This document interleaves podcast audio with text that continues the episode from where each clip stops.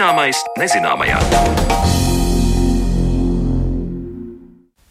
Labdien! Skan raidījums Zināmais nezināmajā, pie mikrofona Mariona Baltkalne, raidījuma producente ir Paula Gulbīnska.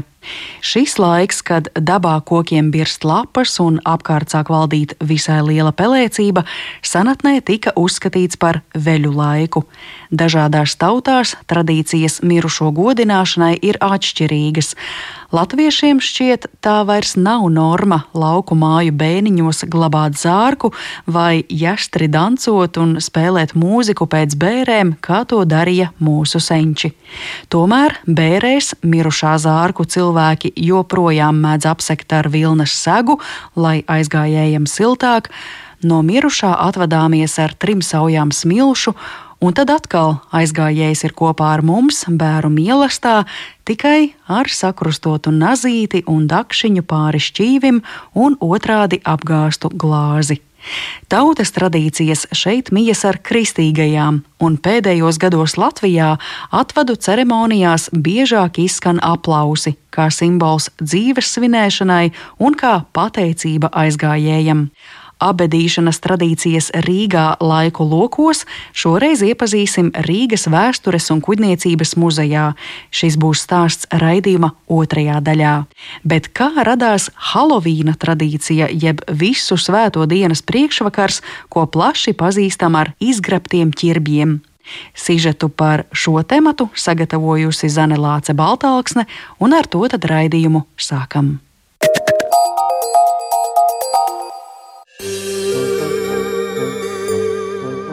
Tuvojas laiks, kad daudz vietā pasaulē ļaudis terpsies spoku, raganu, ģindeņu, velnu un vēl visādu mošķu maskās, un kā viens no simboliem Halovīna svētkiem ir izdobts ķirbis ar pabaisu ģīmi un sveci iekšpusē.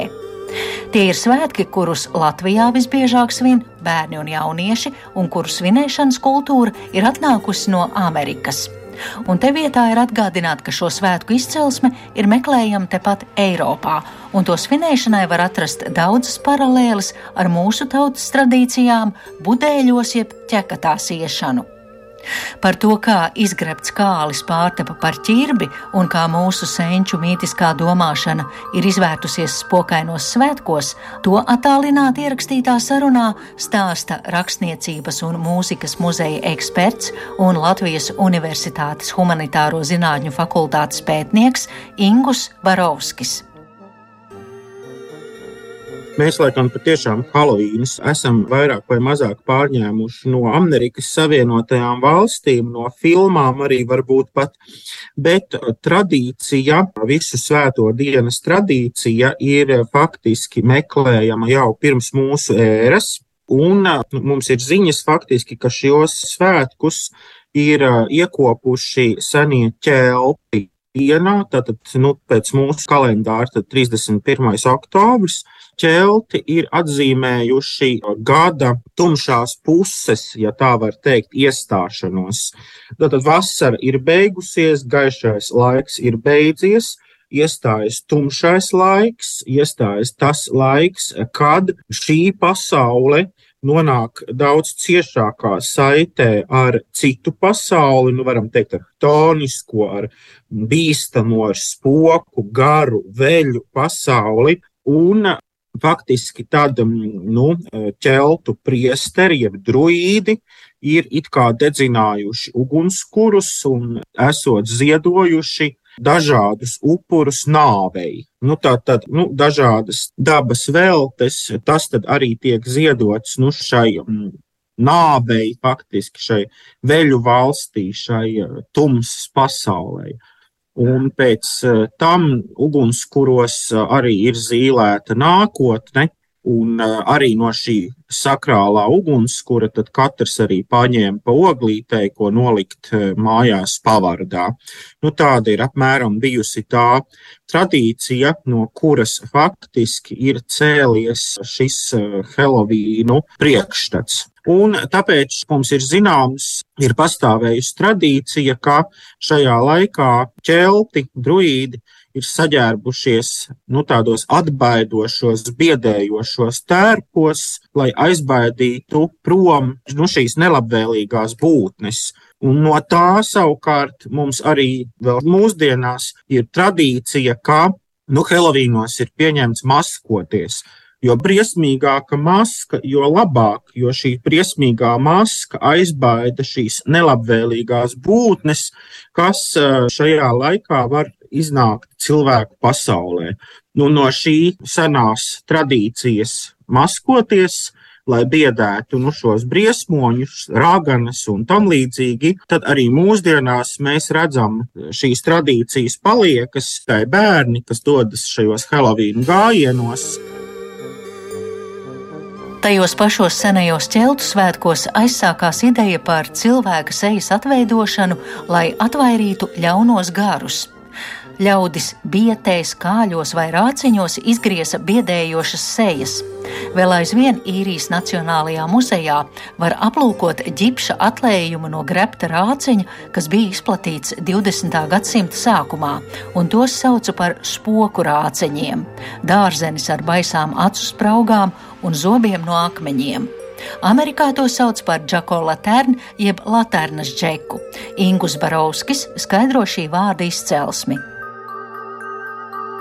Tradīcija it kā ir radusies balstoties kādā īru leģendā par eh, vīrieti vārdā Džeks, un visu mūžu viņš ir uzdzīvojis, visu mūžu viņš ir dzīvojis pret uh, reliģiskajām dogmām, teiksim tā, un tāpēc grēku dēļ viņu neuzņem debesīs. Un uh, viņš ir spiests dzīvot, uh, nu, kā nu var cilvēks, kur neuzņem debesīs, kā nu viņu viņš var dzīvot uz zemes un klīst pa tumšām ielām.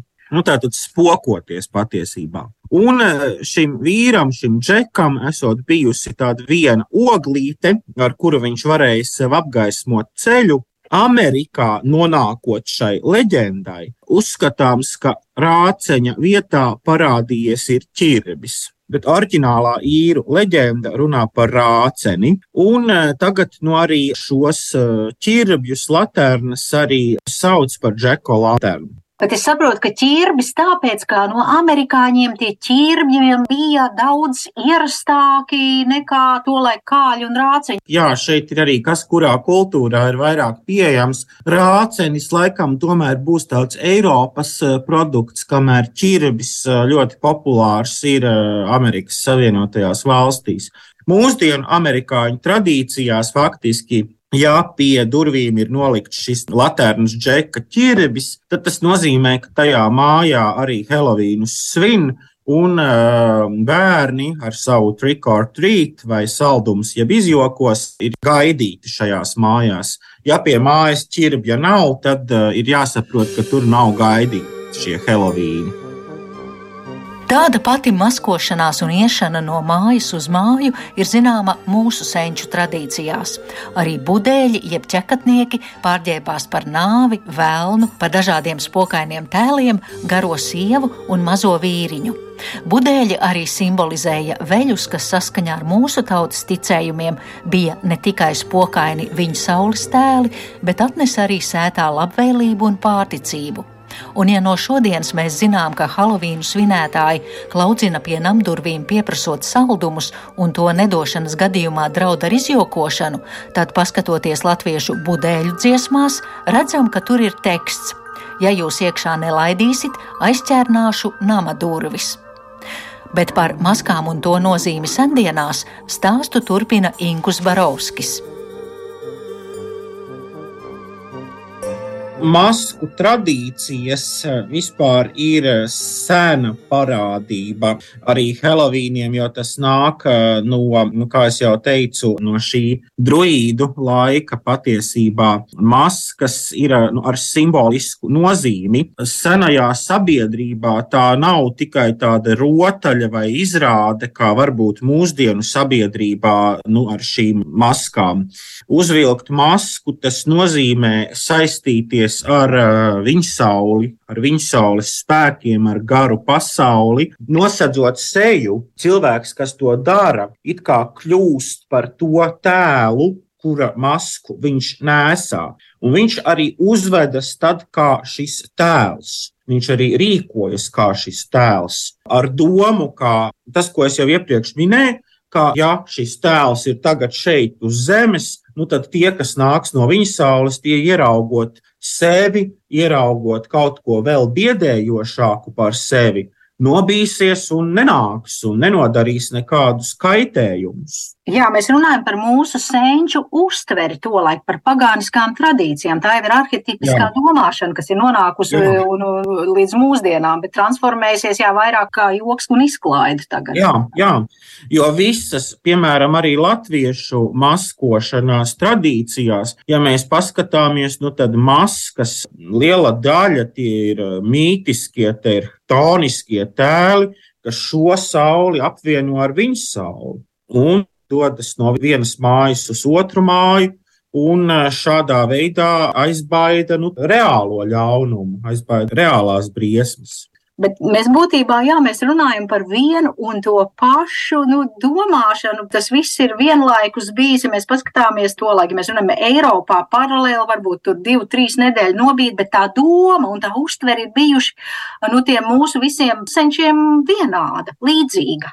Šeit man laikam jāpiekrīt eh, Karla Gustava Junga idejai par kolektīvo zemapziņu, kolektīvo bezapziņu, proti to eh, iekodēto mītisko domāšanas struktūru, kas ir visai cilvēcei savā ziņā vienāda vai vismaz līdzīga. Un, manuprāt, tieši mītisko priekšstatu, maģisko rituālu un tā tālāk nu, šo lietu veidošanās rāda, ka mūsu domāšana kādreiz ir bijusi neatkarīgi no reģiona, tomēr līdzīga un tuva. Jo tā pasaule, šī dabas pasaule, kurā cilvēks senais dzīvoja, tā dabas pasaule jau lielākoties nu, visur ir vienāda.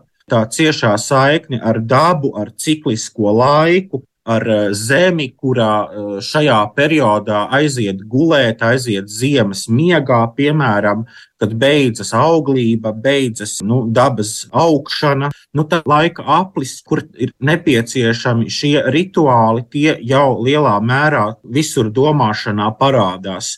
Un tāpēc arī tās tradīcijas, eh, lai gan varbūt nedaudz atšķirīgas, tās tiešām ir diezgan tuvas.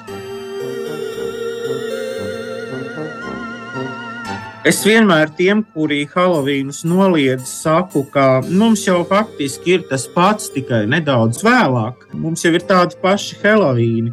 Nu, tas, ka Halovīni ir kļuvuši par tādiem, nu, kā lai saka, tādiem tirgus svētkiem, tas jā, tas varbūt tos ir padarījis populārākus, Bet tagad man šķiet, ka tā attieksme pret Helovīniem ir kļuvusi tāda labvēlīgāka. Es katru gadu, 31. oktobra vakarā, eju pastaigāties, nu, tiesa bez maskas un salduma groziņa, lai redzētu, kas staigā apkārt. Un esmu bieži redzējis, ka cilvēki ir izgreznojuši dzīvokļu logus un uh, pagalmus. Nu, manuprāt, tā attieksme jau vismaz lielākā daļā ir kļuvusi tāda, pat tad, ja tie nav mūsu svētki, nu, tad mēs pieņemam, ka tiem tomēr ir tiesība pastāvēt.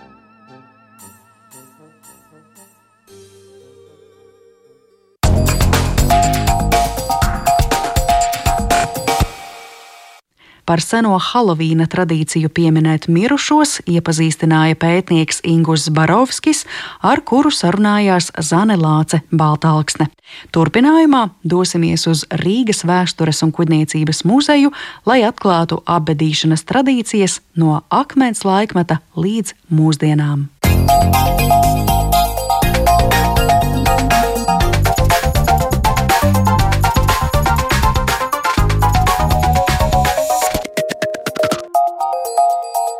Zināmais nezināmajā.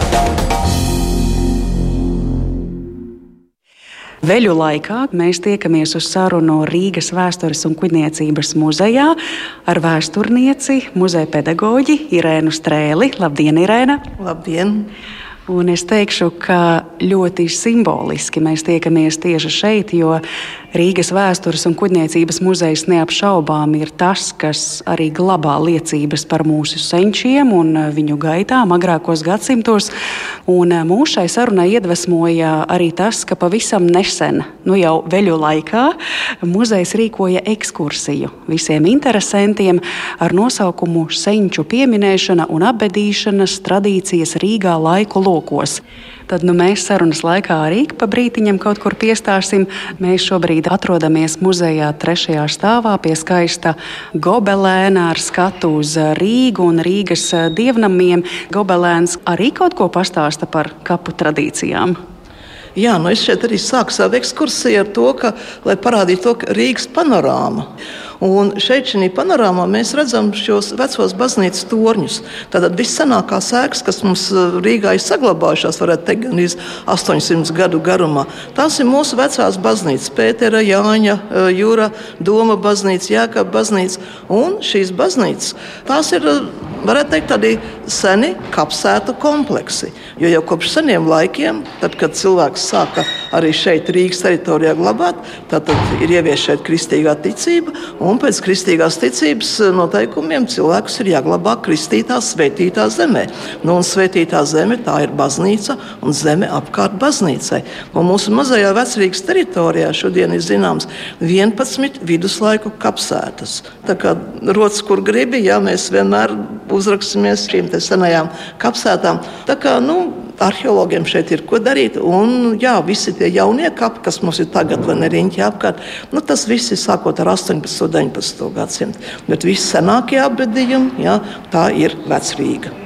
Turpinot sarunu par veļu laika tradīcijām un apbedīšanas tradīcijām, jūs, Irēna, jau pieminējāt vārdu viduslaiki. Tātad kristīgās tradīcijas, bet ja mēs atgriežamies pie vārdu salikuma veļu laiks, mēs droši vien runājam par vēl senākiem laikiem, mūsu senčiem, ka tās kristīgās tradīcijas vēl nebija spēkā, vai ne? Ko tad mēs pieņemam par veļu laiku, kuru periodu? Par veļu laiku mēs tiešām mēs jau varētu runāt to, ka nu, tas ir pagānisms, ja, kad mums nekāda kristīgā ticība nav. Un mums pirmās senākās, varētu teikt, tādas tradīcijas apbedīšanas parādās jau akmens laikmetā. Tad tas ir vidējais un jaunākais akmens laikmets, mezolīts, neolīts, kad eh, jau um, parādās šie te, nu, skeleti kapi, kad ir uh, apbedījumi atsevišķi no apdzīvotajām vietām. Un ir šie rituāli, kad sāk dot kapa piedevs. Tad tas jau vieniem nozīmē to, ka cilvēki jau sāk atdalīt šo cilvēku nu, miesu no gara, ja, no dvēseles. Ļoti iespējams, ka šiem akmens laikmetu cilvēkiem pirms 5, pirms 6, pirms 8 tūkstoši gadiem ļoti iespējams, ka tad bija tas ūdens kults, ja, kad ir šī upe, kas ir tā robeža šķirtne starp dzīvo un mirušo pasauli. Un eh, nepavēl tur vēlāk ir par šīm veļu laivām, ja, un viss, ka mirušās dvēseles ar laivām pa ūdeni aizceļo uz mirušo pasauli. Un eh, arī tāds apstiprinājums tam varbūt arī varētu būt. Mēs zinām, ka ja runājam par akmens laikmetu, lielākās akmens laikmeta apbedījumi ir atrasti um, vidzemē pie Burtnieka ezera zvejnieku kapulauks. Un tur ir atrasts vairāk kā 300 apbedījumu. Tad tas ir apmēram kaut kur pirms 5-6 tūkstoši gadi. Un arheologi pētot, viņi atklāja to, ka tur ir apdzīvotība Burtnieka ezera krastā bijusi apmēram 3-4 tūkstoši gadus. Un par 3-4 tūkstoši gadiem ir tikai 300 apbedījumi. Un tad ir jautājums, kur tad ir pārējie apbedījumi? Ir? Un tad tā viena versija tāda, ka tiešām ka iespējams, ka lielāko daļu šos apbedījumus apglabāja turpat tās ezerā ūdenī kaut kur, ja? un uh, tos, ko zemē glabāja, tas varbūt bija kaut kāds īpašais status. Un kāpēc sāk līdzi dot arī šīs kapu piedevas, ja piemēram tās uh, senākās, tādas interesantākās kapu piedevas, kas zvejnieku kapu laukos ir atrastas, tās ir tādas dzintara ripas, ko likt pie mirušajiem uz acīm vai uz galvas kaut kur. Ja? Tā kā nu, atkal uh, savu veidu tāda nauda, ko samaksā piesim pārcēlājiem. Un arī vēl, ka parādās akmens laikmetā okers. Okers tātad tas ir, nu mēs visi esam redzējuši šo rāvaino brūno sarkano ūdeni pie purviem, ne, un, nu, kur mūsu vietējā dzelzs rūda, kur nāk ārā. Un tad, tad senajos laikos, ja cilvēki šo okeri izžāvēja, uh, sajaucot ar māliem, jā, izveidojas tāda tā kā krāsvielas pulverīts, un ar to viņi arī apbēra mirušos. Tad, tad, ko viņi ar to ir domājuši? Vai nu, tas ir kā, nu, asins krāsa, vai tas ir siltums. Mēs varam visādas versijas izvirzīt, vai ne? Bet, nu, jo senākie laiki, jo mēs sakām, iespējams, ka tā bija, iespējams, ka nē. Tā tagad mēs esam pārgājuši uz uh, citu ekspozīcijas daļu. Un uh, vienkārši kāpēc es jūs pirmīt tincināju ar to jautājumu par veļu laiku? Jo uh, ir arī joprojām pastāvošs tas priekšstats, ka mūsu senči šo veļu laiku atzīmēja no miķeļiem līdz mārtiņiem, un tad arī tagad miķeļdienu mums parasti iezīmē šis skaistais tīradziņš ar dažādiem rudens labumiem, un tad ir mārtiņi, un tad it kā saskaņā ar senču tradīcijām sākas tas jautrais ķekatu laiks. Un tad es padomāju par mazliet citām tradīcijām, ka, piemēram, Ir vēl arī tāda mirušo piemiņas diena, ko parasti atzīmē pēdējā nedēļā pirms adventes. Un tad saka, nu, ka jautroties līdz tam laikam īpaši nevajadzētu, ka vajag vispirms mirušo piemiņas dienu atzīmēt, ko mēs saucam arī par svecīšu vakaru un ejam uz kapiem. Tad sanāk šeit kaut kur tas pagāniskais un kristīgais jaucas kopā, kad mūsu senči sāka jautroties. Un kad varbūt kristīgās tradīcijas saka, ka nē, vispirms mirušo piemiņas diena un tad advente un svētku laiks. Jā, nu šis ir ļoti uh, interesants jautājums, jo kristīgā ticība mums šeit nu, oficiāli tiek ieviesta ar 13. gadsimta sākumu, kad ienāk šeit vācieši un Rīga ir kā centrs. Bet uh, kristīgā ticība no paša sākuma viņai vēl vismaz uh, līdz 14. gadsimtam ļāva arī izmantot šīs vecās pagāniskās tradīcijas. Piesim, mēs arī Rīgā mums ir šie senākie kapu lauki, kur ir viss šīs kapu piedevs, vai ne? Kaut gan it kā tas ir 14. gadsimts, bet nu, vēl joprojām vietējie iedzīvotāji apglabā savus mirušos pēc vecajām tradīcijām. Nu, ja mēs runājam par to pašiem kapus svētkiem un šīm mm, svecīšu vakaru un, un tam līdzīgi. Pirmais, kas kaut ko runāja par šādiem kapu svētkiem, tas ir Mārtiņš Luters. 16. gadsimtā viņš savā tēzēs par to, kā vajadzētu visu šo reliģiju reformēt un, un uzlabot, un viss, tad viņš arī piemin to, ka vajadzētu arī domāt par šīm apbedījumu vietām un ka kapsētā ir jābūt kādam skaistam dārzam, parkam parkam. Un, nu, protams, ka tajā brīdī vēl neviens to īsti neizmantoja. Bet grāfs Cincendorfs jau 1730. gadā izveidoja Vācijā pirmo parku, dārzu, kapsētu. Un tad tā ideja Lutāņiem ļoti iepatikās, un tā sākās tā kapu kultūra, kad šie kapi, nu, kā mums Latvijā arī, viņi pārveidojas par tādiem ļoti koptiem, skaistiem parkiem, dārziem, un kad cilvēki iet un kop viņus nevis eh, nu, kā agrāk, vai ne, nu, apglabāja, ir šis rituāls, un pēc tam praktiski aizmirstam. Ja? Un arī tagad mēs zinām, ir daudzām tautām, kur šīs kapsētas ir praktiski nu, ar apbedīšanas rituālu arī tas viss beidzās, un pēc tam tie kapstāvi pamesti, un neviens tur vairs nenāk. Ja? Un tad ir 19. gadsimts, kad ir šī hernhūtiešu kustība 19. gadsimta sākumā, un vidzemē arī viņi ievieš vasarā šos kapu svētkus, kad eh, viss tas lielais radus sajēdz, kas man liekas viens no populārākajiem pasākumiem ir sevišķi Latgalē un vidzemē. Un tad, jā, un tad tāds, tāds skaists noslēgums šim kapu pasākumam ir jā, šis veļu laiks un šis novembris, jā, tā nedēļa pirms um, adventes, jā, tiešām tas, ko mēs saucam par svecīšu vakaru, jeb tā mūžības svētdiena, jā, kad nu, tiešām tiem kapiem nu, ir jābūt sakoptiem, nokoptiem, veļi ir pabaroti un atvadāmies no viņiem un tagad ļaujam viņiem mierīgi gulēt līdz pavasarim un, un skapiem vairs neejam un netraucējam un pašiem, kas saka, ziemas miegā vai ne. Un tie, kas ir bijuši Lietuvā, tad jūs laikam esat arī pieredzējuši to, ka katoļiem atkal raksturīgi, ka viņiem šī visu svētko diena ir 1. Eh, eh, novembris. Un, kā jau saku, 1. novembrī uz Lietuvu nav jābrauc, jo tad visa Lietuva ir kapos ar svecītēm. Tas, kas mums ir tā pēdējā novembra nedēļa, vai ne tāda svētdiena, tad viņiem tas ir 1. novembris. Tā kā atkal kā pēc konfesijām, pēc visu kā arī atšķirās šīs jā, jā. svētku svinības. Bet, nu, principā, jā, tas ir tāds noslēgums, jā, veļu laikam.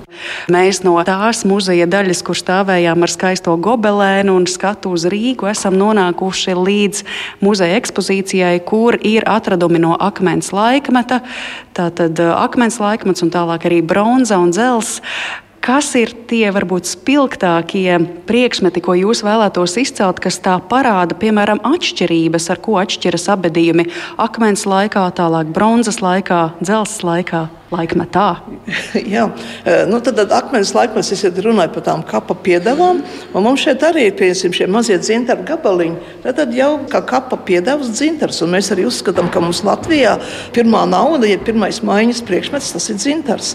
Kad pieminējāt šos dzintara gabaliņus, ko lika uz acīm, lai mirušais varētu norēķināties aizsaulē, Man pirmā doma, protams, bija sengrieķu mīti. Tur taču arī bija stāsts par to, ka jātiek pāri Stiksas upei un kaut kā ir jāsamaksā. Tā kā te mēs atkal redzam to tradīciju līdzību dažādās pasaules vietās. Jā, viņas vai nu paralēli, bet piemēram, labi ir sengrieķi un šeit ir mūsu akmens laikmets. Tur ir uh, starpība tomēr kaut kādi vairāki tūkstoši gadi, bet, kā mēs sakām, tukšā vietā jau nekas nerodās. Ko mēs zinām, no kurienes sengrieķi ņēma šīs savas leģendas? Ļoti iespējams, ka tādā pašā akmens laikmetā, gan uz akmetnē, ir arī apbedījumi. Un tālāk jau bronzas laikmetā apbedījuma vietas jau tiek jau atdalītas no apdzīvotās vietas, vai ne? Tad nu, vismaz kaut kādu puskilometru vai cik tālāk. Šeit jau iezīmēs tas, ka jau parādās šīs atsevišķās kapsētas, un ka, piemēram, kapu lauks, kad ir ar akmeņiem sāk piemēram, iezīmēt šīs bedres? Un vēl bronzas laikmetā mums parādās Latvijā ļoti interesanti apbedījumi, ko mēs saucam par vēlna laivām. Tad, tad bronzas laikmets tas ir apmēram pirms 3000 gadiem, 3-3,5 tūkstoši gadi. Un mums Ziemeļkurzemē starp Valdemāru pili un Roju ir tā saucamā Bīlava vēlna laiva. Nu, principā, tur tādā vietā ir zināmas piecas vietas ar deviņām vēlnu laivām. Tātad no lieliem akmeņiem laivas formā ir izlikti nu, apmēram nu, no 10 līdz 20 metru gari tādas tā kā laivas, un tad vidū ne šai akmens laivai tika glabāti cilvēki. Ja? Un tas ir tāds tipisks skandināviem. Vairāk kā tūkstotis šādas laivas ir atrastas Zviedrijā. Mums vistuvāk ir Gotlande. Ja? Tur ir kaut kur pie 350 šādas vēlnu laivas. Tad, tad mums ir savas tradīcijas, protams, ja? bet ir arī jā, nu, no ziemeļiem, no Skandināvijas arī ienākuši ar savām šīm tā saucamajām akmens krāvuma laivām, jeb ja vēlnu laivām.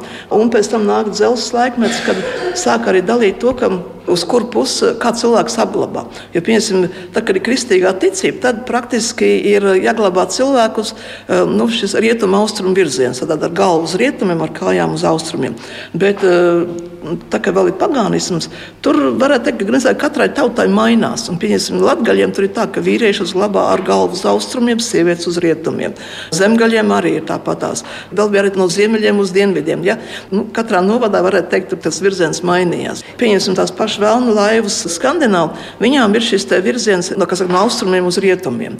Tātad eh, pēc skandināvu ticējumiem ir tā, ka nu, saule, saule mums jūrā lec austrumos, tātad viņa dzimst. Un pēc tam vakarā viņa rietumos noriet, tad viņa mirst. Un līdz ar to tā laiva arī no austrumiem ir piedzimusi, tagad viņa iet uz rietumiem, un rietumos viņa jā, mirst. Un tad mums ir vēlais dzelzs laikmets, un mēs sakām, vikingu laikmets, tas ir nu, 7. un 8. gadsimts līdz 11. gadsimtam. Rīgā mums nekāda apbedījuma, nekas atrasts no šiem laikiem arī nav, bet Zviedrijā arhīvā tika atrasts dokumentos zīmējums, kur ir uzzīmēts un un arī teksts klāta, ka Daugaus leitecē ir viens no vikingiem ir nomiris, apglabāts tur, un uz viņa kapa ir uzlikts eh, runakmens. Un šis zīmējums ir atrasts eh, Zviedrijā arhīvos. Nu, šeit mums arī uzzīmēts šis akmens ar runu zīmēm, runu raksta zīmēm, ne, kur ir rakstīts, jā, ka viens no šiem vikingiem ir miris šeit, šumers, jā, viņi nosauc par šumeru, un ka viņš ir apglabāts šeit. Un, eh, nu, ja jūs atrodat šādu akmeni, tad Zviedrijā es domāju, ka zinātnieki būs ļoti laimīgi par to, ka šis runakmens ir atradies. Ja vēlējā dzelzceļa laikmetā, kuršiem viņiem bija šie ugunskapi raksturīgi. Tad ugunskapi mums parādās jau bronzas laikmetā, bet eh, ļoti izplatīti viņi ir tieši eh, kuršiem. Nu, atkal tiek uzskatīts, ka tā varētu būt tā tāda skandināva vai vikinga ietekme. Jo skandināva arī lielākoties ir ugunskapi. Nu, tur ir kā būtu tas viegli izskaidrojams ar to, ka nu, Zviedrijā tur visur ir šīs klintis kalni, tur tas zemes slānis ir ļoti mazs, ne, tur ir grūti ierakt to kapu. Tad vienkāršāk viņi ir sadedzināti un tur pat tās vai no urnas urnas vai pelnus izkaisīt. Šeit jā, mums, kuršiem ir pārņemts jā, šīs tradīcijas, kad ir šie ugunskapi ļoti daudz. Bet ugunskaps ir atrasts arī gan latgaļiem, gan zemgaļiem, gan ceļiem. Bet, nu, daudz, daudz mazāk. Ugunskapa ir kremācijas pirmsākuma, acīm redzot. jā, jā. jā. Tas, tas arī ir vēl viena no tām versijām, kāpēc sāk mirušos dedzināt. Jā. Nu, mēs nezinām, kā tie cilvēki domāja pirms 1000, 2000, 5000 gadiem, bet iespējams, ka viņi jau sāk atdalīt cilvēku šo dvēseli no ķermeņa. Jā. Tagad šis ķermenis ir beidzis pastāvēt, nu, ka viņu ir jāsadedzina, lai tai dvēselē būtu vieglāk nu, ar dūmiem kopā aiziet debesīs. Jā. Labi, esam nonākuši līdz tam laika posmam, ko mēs jau pirmīt pieminējām, un kas sasaistās jau ar kristīgām tradīcijām. Tie ir viduslaiki. Viduslaiki, un viduslaiki mums sākās ar Rīgas dibināšanu. Bet pirms vācu ienākšanas šeit jau bija jau divi eh, nelieli ciematiņi ar vietējiem iedzīvotājiem. Mēs sakām, Daugaus leitēts slībieši, eh, bet pēc rotām, pēc visām šīm kapu piedevām, pēc apbedījumiem, mēs sakām, te bija arī kurši, un bija arī zemgaļi, un bija arī sēļi. Senajos laikos cilvēki uzskatīja, ka cilvēks nenomirs, viņš vienkārši pāriet dzīvot citā dimensijā, citā pasaulē. Un viņam līdzi ir jādod visu to labāko, kas viņam dzīvē ir. Principā visu to, kas bija šī dzīvē, arī tur tas ir vajadzīgs. Un līdz ar to šie kapi bija nu, teiksim, ar bagātīgām kapu piedevām. Tur varēja atrast visu, ko. Nu, tad, kad ienāk kristīgā ticība, tad viņi visu to aizliedz. Jo pēc kristīgās ticības, nu, tā ļoti vienkāršot runājot, tad, ja cilvēks ir labi dzīvojis, ja, tad viņš nonāk paradīzē, tur jau viss ir. Nu, ja slikti dzīvo, tad ellē, tur tiek sadedzināts ne? Līdz ar to neko arī līdz nekādas kapu piedevas nav vajadzīgs. Un tad jau šie viduslaika kapi, kas mums šeit Rīgā ir, ne, viņi ir diezgan, nu, teikt, diezgan tukši. Ja? Ir, protams, kāda monētiņa, ir kāds gredzentiņš, bet vairs tik bagātīgas kapu piedevas kā līdz vācu ienākšanai, tādas šeit vairs nav. Jā. Savā ziņā tur atkal ir paralēlis. Labi, vācieši aizliedz tās kapa vietas pieblīvēt ar visādiem priekšmetiem, kas varētu noderēt nākamajā dzīvē, bet man liekas, tas atkal ir stāsts par to, kā mēs lietas eh, definējam. Jo tomēr lībieši un arī senlatvieši viņi nu, uzskata, ka viņi aiziet eh, citā dzīvē, tātad kaut kur tu tomēr tālāk nonāc. Un kristieši arī uzskata, ka kaut kur jau tu tomēr nonāc. Tukšā vietā tu neaizies aizēja elle vai paradīze. Tā, tā ir tāda varbūt piekasīšanās vārdiem ja, no vāciešu puses. Principā viens un tas pats uh, process tiek interpretēts dažādi. Mēs runājam par vienu to pašu tēmu, ka ir divas šīs pasaules, mirušo un dzīvo pasauli. Un kad jā, pēc nāves cilvēks, kas saka, viņa veseli aizlido kaut kur, vai, vai viņa tiek pa ūdeni ar laivu aizvesta, vai viņa, kā piemēram, lībiešiem bija tas putna kults, mums šeit arī ir daudz šie putnu veidi piekariņi, vai ne? Jo lībieši uzskatīja, ka, jā, ka mirušā dvēsele pārvēršas par putnu un aizlido debesīs. Un tas putns, tas ir ūdens putni. Tātad, jā, tie, kas viss šīs pīles un viss, kas mums pa ūdeni dzīvo, tie ir tie, kas nes tās dvēseles projām debesīs. Un pēc tam ir kristīgā ticība, jā, ar savu Pēteri un ar paradīzi un Elli un ar divām atslēgām. Nu, kā mēs sakām, mazliet uzlabojot, jau pārveidojot jebkuru rituālu, jebkuru leģendu, nu, katrs viņu pielāgo kā vajag. Mm. Tātad eh, kristīgā ticība jau Latvijas teritorijā ienāk ar 7. un 8. gadsimtu jau ar vikingiem, un arī no Krievijas puses mēģina šeit mums ieviest kristīgo ticību. Bet nu, tā teikt, tāda krusta kara veidā, tā kā tiešām nākt un ieviest, tas sākās principā ar vāciešiem. Un pirmais ir biskups Mēnārds, kas jau 1186. gadā jau šeit ierodās kopā ar vācu tirgotājiem un nu, jā, mēģina jau šeit eh, kristīt vietējos iedzīvotājus un, un tiek uzcelta pirmā mūra uh, oficiāli zināmā ēka Latvijas teritorijā. Tā ir Ikšķils baznīca. Un, uh, nākamā baznīca un pils ir arī Mārtiņas salā. Tad Mārtiņas salā tas ir tagadējā salas pils uh, rajonā tiek uzcelts. Nu, no Mārtiņas salas baznīcas tika atvests 19. gadsimtā šī kapu plāksne. Tātad baznīcās, tad, kad jau mums nāk šīs vāciskās tradīcijas un kad cilvēks vajag glabāt kristīgā zemē, tad mūki, mācītāji, nu, teiksim, bagātie tie cilvēki, viņi tiek glabāti baznīcās. Un baznīcās viņi tiek glabāti zem kapu plāksnēm. Tad no sākuma tiešām viņas arī raka baznīcas grīdā zemē, un virsū lika kapu plāksnes, kurā tika iegravēts gan nu, viņa gads, kad miris dzimis, vārds, uzvārds vai dzimtas ģērboņi un viss. Un tad mums arī muzejā ir no Mārtiņas salas atvestā, tā varētu teikt, nu, 12. gadsimta beigu kapa plāksne no tiem pašiem pirmsākumiem, eh, kas ir nu, skaitās, tiek uzskatīta par vissenāko kapa plāksni Latvijā noteikti, varbūt pat arī Baltijā. Ir arī kāda informācija, kas te ir tā skaisti iegravēts. Principā mākslas vēsturniekiem un arī arheologiem ir versija tāda, ka tur ir apglabāts kāds no lībiešu augstmaņiem, kas ir pieņēmis kristīgo ticību.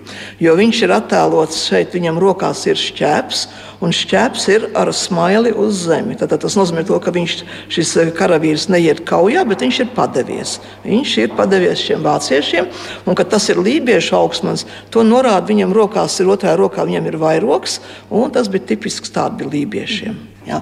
Bet, ja mēs ejam pie Doma baznīcā vai nu, jebkurā baznīcā, kas ir 13, 14, 16 gadsimts, tur šīs plāksnes arī vēl tagad var redzēt. Mums arī viņas ir gan sienās samūrētas, gan uz ielas mēs viņus redzam. Tā kā vācieši, mācītāji, biskupi bija šie te, nu, uzrakstīja, kā mums tagad ir skapu pieminekļiem. Tātad šeit dus. Jā, šeit uz, valda šis uzskats, ne, kamēr šo mirušo pieminēs dzīvē, kamēr viņa vārds tiks skandināts, tikmēr viņš eh, nu, dzīvos mūžīgi, ja viņš netiks aizmirsts. Un tāpēc arī ikvienam cilvēkam ne, arī gribās, lai viņu arī pēc nāves piemin. Un tajā pašā laikā skandināvi ar rūnakmeņiem jau darīja tieši to pašu. Mēs sakām, viss jaunais ir labi aizmirsts Jā. vecais. Jā. Katram jau pieņemsim, nabadzīgam cilvēkam jau šādas kaplāksnes nelika. Un viņas arī baznīcā neglabāja. Viņas glabāja apkārt baznīcai. Parasti nabadzīgos cilvēkus glabāja ziemeļpusē. Nu, piemēram, Doma baznīcā tā ir Doma laukuma puse, ja, kur ir tā bedra, kur ir tāds bērnu laukumiņš, pelēkā kapsēta. Tad eh, dienvidu pusē tad, tad tur bija, nu, varētu teikt, tas vidējais slānis, jo šeit bija vīriešu klosters.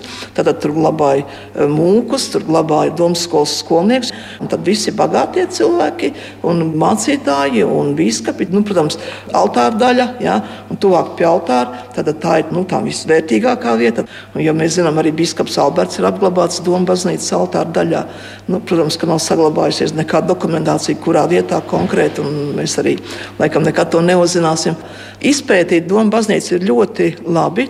Gan izar 20 gadu garumā Doma dārzā, Andra Celmiņa vadībā no 80. līdz 2000. gadam tika veikti arheoloģiski izrakumi. Nu, praktiski gan izar viss tur tika izrakts, izpētīt tika pie 2000 apbedījumi parasti pēta tos apbedījumus, nu, kur vismaz eh, daļa no šī skeleta ir saglabājusies. Pēc tam ja tur bija diezgan daudz šīs pārjauktie kauli, kaulu bedres, un tad skaitot šos eh, galvas kausus klāt vēl ja, pie šiem 2000. Nu, mēs tā rēķinām tā aptuveni 500 gadu laikā, piemēram, šī doma dārzā ir apglabāta vairāk kā 5000 Rīgas iedzīvotāji. No 9 līdz 11 kārtām, un tad, tad no 13. līdz 18. gadsimtam, jā, visas šīs Rīgas baznīcas, viņas visas ir kā lieli kapsētu kompleksi, kuros tiek glabāti cilvēki. Parasti šie senākie apbedījumi ir šeit Rīgā vismaz 4-5 metru dziļumā. Jo Rīgā kultūras slānis, nu, tas zemes līmenis, ja, kur mēs staigājam, viņš 800 gadu laikā ir audzis no 3 līdz 5 metriem. Tas ir tā tāda liela izgāstuve, jo 500 cilvēki senos laikos meta visu tur patās pagalmos, līdz ar to 800 gadu laikā mums tas zemes līmenis ir izaudzis. Nu, tā kā tādi getliņi zem kājām. Nu, tad arī šeit mums ir redzams, jā, kad, tad, jo dziļāk, jo senāki laiki, jā, un tad jau pēc tam mums nāk 16, 17, 20 gadsimts. Jā, visa vēsture mums šeit ir zem kājām. Tas nozīmē, ka vasarās pie Doma baznīcas, tur, kur ir skaistā zālīte un tur, kur eh, ziemā bērniem patīk slidināties kā no slidkalniņa, faktiski viņi slidinās iekšā senākā gadsimtā. Un savukārt, tad, kad mēs staigājam pa Ziemassvētku tirdziņu, pa Doma laukumu, tad mēs staigājam pa jaunākiem laikiem un pa, kā jūs teicāt, getliņiem, atkritumiem. Ja? Ja, ja mēs tā jā, vienkārši salīdzinām, tad tieši tā arī ir. Tas, ko mēs staigājam, tas mēs staigājam pa savu 20. gadsimtu līmeni. Un tā kā tas bērns ir nošļūcis tur lejā līdz tam bērnu laukumam, tad tur viņš ir jau nu, kaut kādā 14. gadsimtā iebraucis. Jā. Ja vēlaties nokļūt 14. gadsimtā, nošļūts pa kalniņu lejā. Labi, jā. Lielais Kristaps. Jā. Mūsu lielais Kristaps. Muzejā pats vērtīgākais priekšmets, un mēs sakām, jā, viens no trīs Rīgas brīnumiem - pārcēlājs. Tad viņš ir visu jūrnieku, zvejnieku, visu to cilvēku aizbildnis, kas strādā uz ūdeņiem. Un lielā Kristapa skulptūra jau vairāk kā 400 gadus ir stāvējusi mums tepat tās Daugaus krastā, iespējams arī Rīgas upes krastā. Nu, un, ja mēs paskatāmies uz šo skulptūru, mēs arī redzam, jā, ka viņam pie jostas ir naudas maciņš. Tātad viņš ir strādājis kā cilvēks, kurš uz saviem pleciem nesa pār cilvēkus, nu, pēc leģendas. Un, eh, protams, ka viņam par šo darbu arī maksāja. Un tagad mēs atceramies jā, par šīm kapu piedevām, ka ļoti bieži sevišķi tā, parādās šī nauda, jau, eh, kad cilvēkiem dod līdzi šīs mazās monētiņas.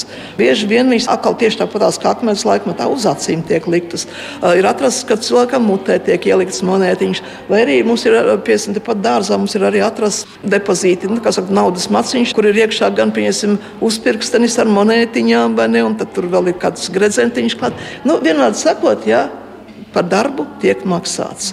Un tad, tad, kāpēc? Tāpēc mēs atceramies, jā, ka cilvēks, kad nomirst, jā, tad viņam ir jāpāriet uz šo mirušo pasauli, ko no dzīvo pasaules atdala Stiksas upe.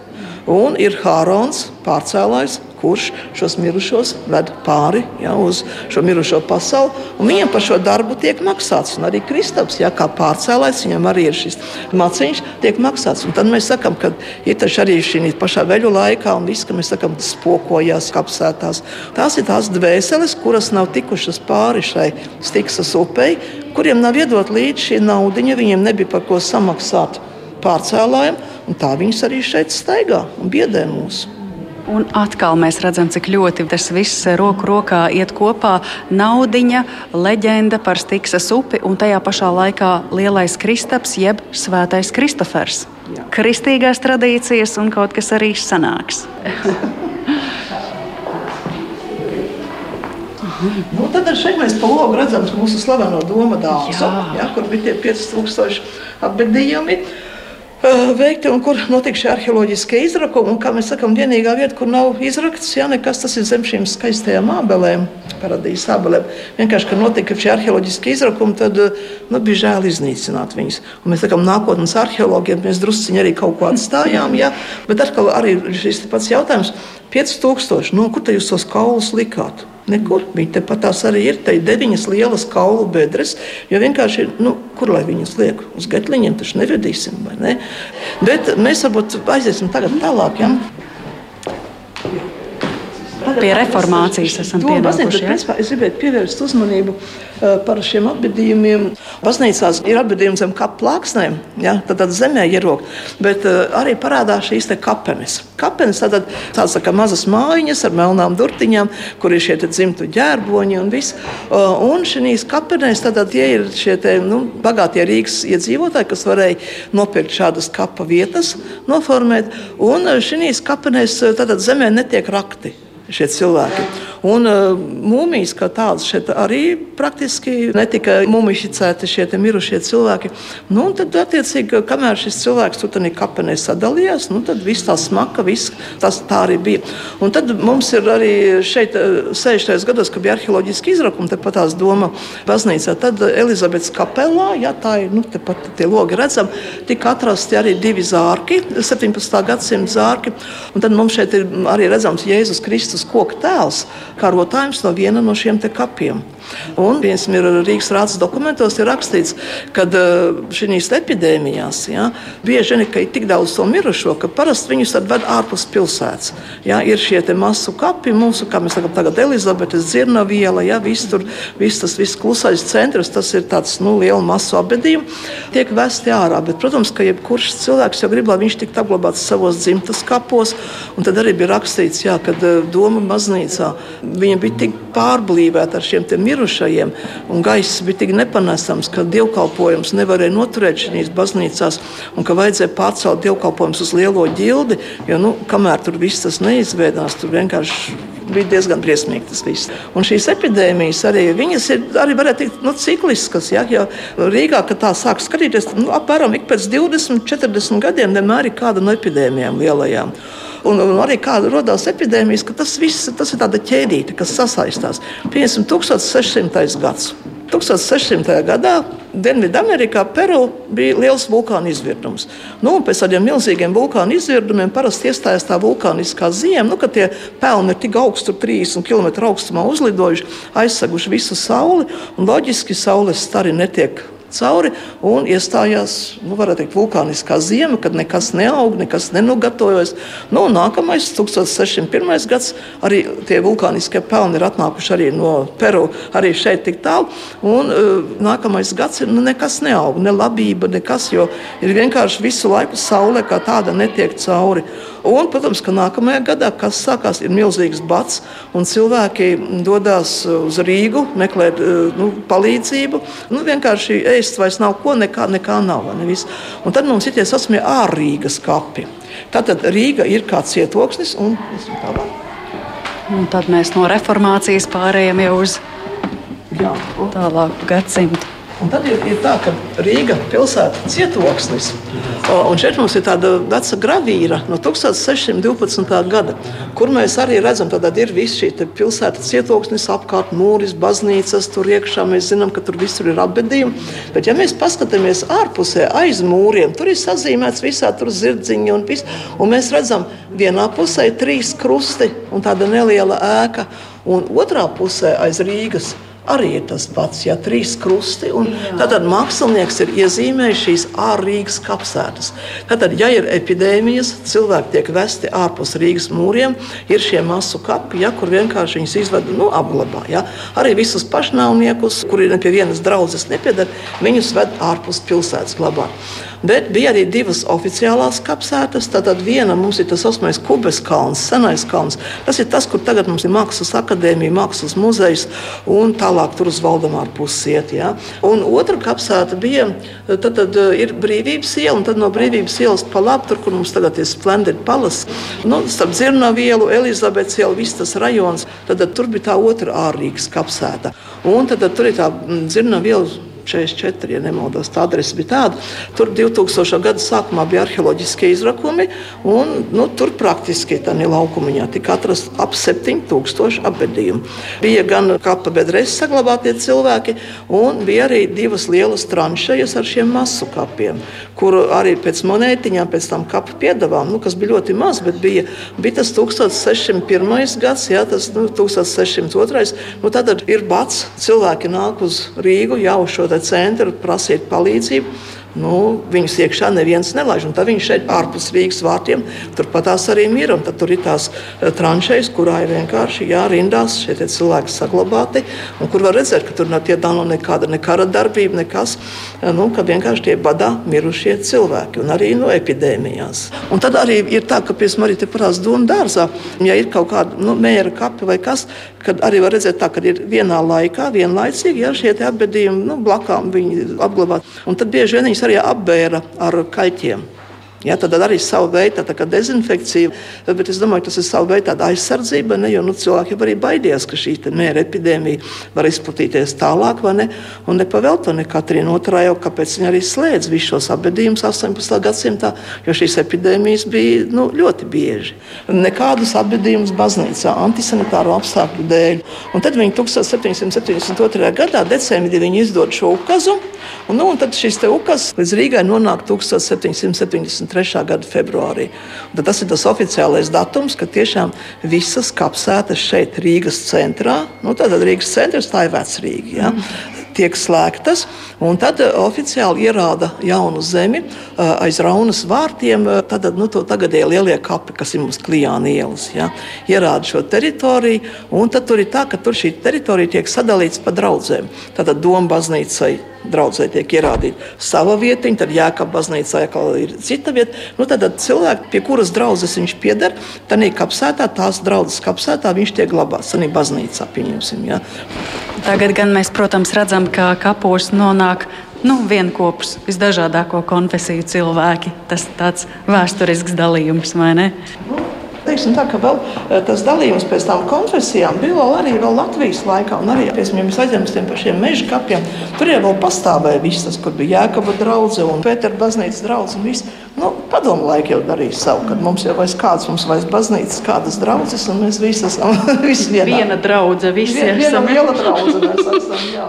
vajag mums vēl kapsēt kā tādu. Tā, tagad esam skaistajā kolonnu zālē.